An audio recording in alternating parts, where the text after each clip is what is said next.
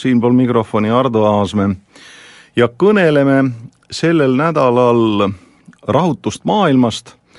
aga me ei räägi otseselt ühest või teisest sündmusest, vaid sellest, millest kõigest see on tingitud. ehk teisisõnu öeldes, et püüame leida põhjusi. ja mis siin salata, kui me praegust maailma vaatame, siis loomulikult me näeme sageli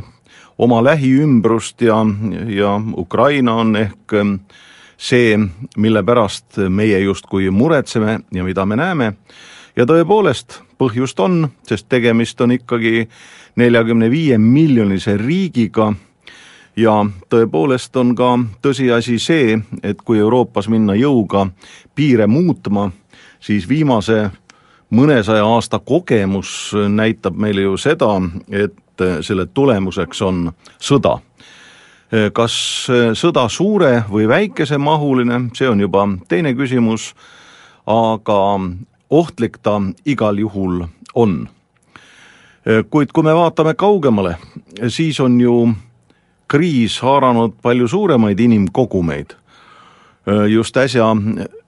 lõppesid Indias valimised, mis olid täiesti katastroofilised India Rahvuskongressile ja olgu siinkohal öeldud, et India Rahvuskongress on sisuliselt olnud juhtpartei peaaegu kogu selle aja, mil India on olnud iseseisev riik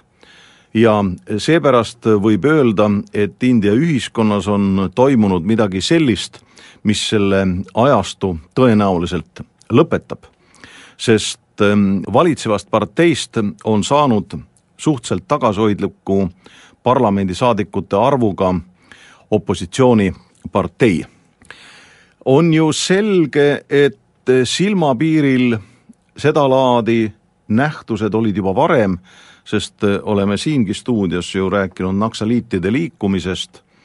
mis on räsimas kahtekümmend osariiki kahekümne kaheksast India osariigist, tegemist on siis maoistlike relvarühmadega. samas on ju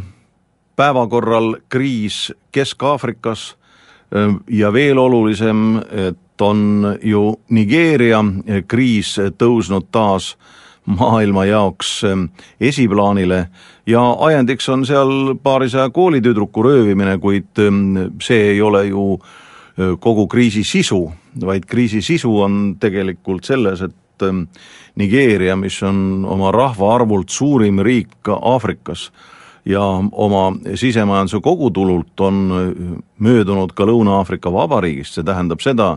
et tegemist on Aafrika teatud mõttes tuumikriigiga ja see on langemas kaosesse ja ikkagi seesama küsimus, et kas niisugust riiki niisuguste piiridega, niisuguste reeglitega üldse on mõistlik äh, pidada. kui me heidame pilgu veelgi kaugemale, kaugemale Indiast, siis on ju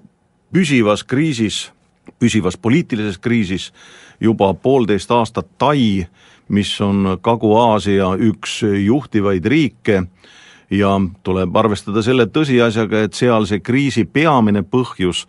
on eh, seotud eh, üliliberaalse majandusega, mis jagab eh, kogu rahvatulu eelkõige Bangkoki piirkonna ehk, ehk pealinna kasuks. Ja erinevalt Eestist, kus on see protsess samalaadne, on nii-öelda teine Tai, see, mis jääb Bangkoki tagamaa piiri taha, on arvukas ja kriisi peamine sisu on ju paljuski selles, et Ähm, see nii-öelda teine tai äh, tuli külast ära pealinna nõudma õiglust ähm, ja, ja võrdseid võimalusi. paratamatult ähm, ennustatakse ju ka kõike seda, mis on seotud Hiinaga, Hiina ja Venemaaga ja olgu öeldud, et Hiina puhul on üsna tõenäoline, et üks majandusmull seal lõhkeb ja selle mullistuse tagajärjed pole väga teada. ja samal ajal, kui Venemaa üha isoleerub arenenud tööstusriikidest,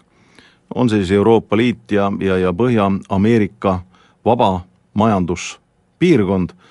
siis on ju selge, et Venemaal on toimumas täpselt samuti hääletud, aga põhimõttelised muudatused, mille üheks sisuks on Venemaa tehnoloogiline mahajäämus või täpsemalt selle mahajäämuse suurenemine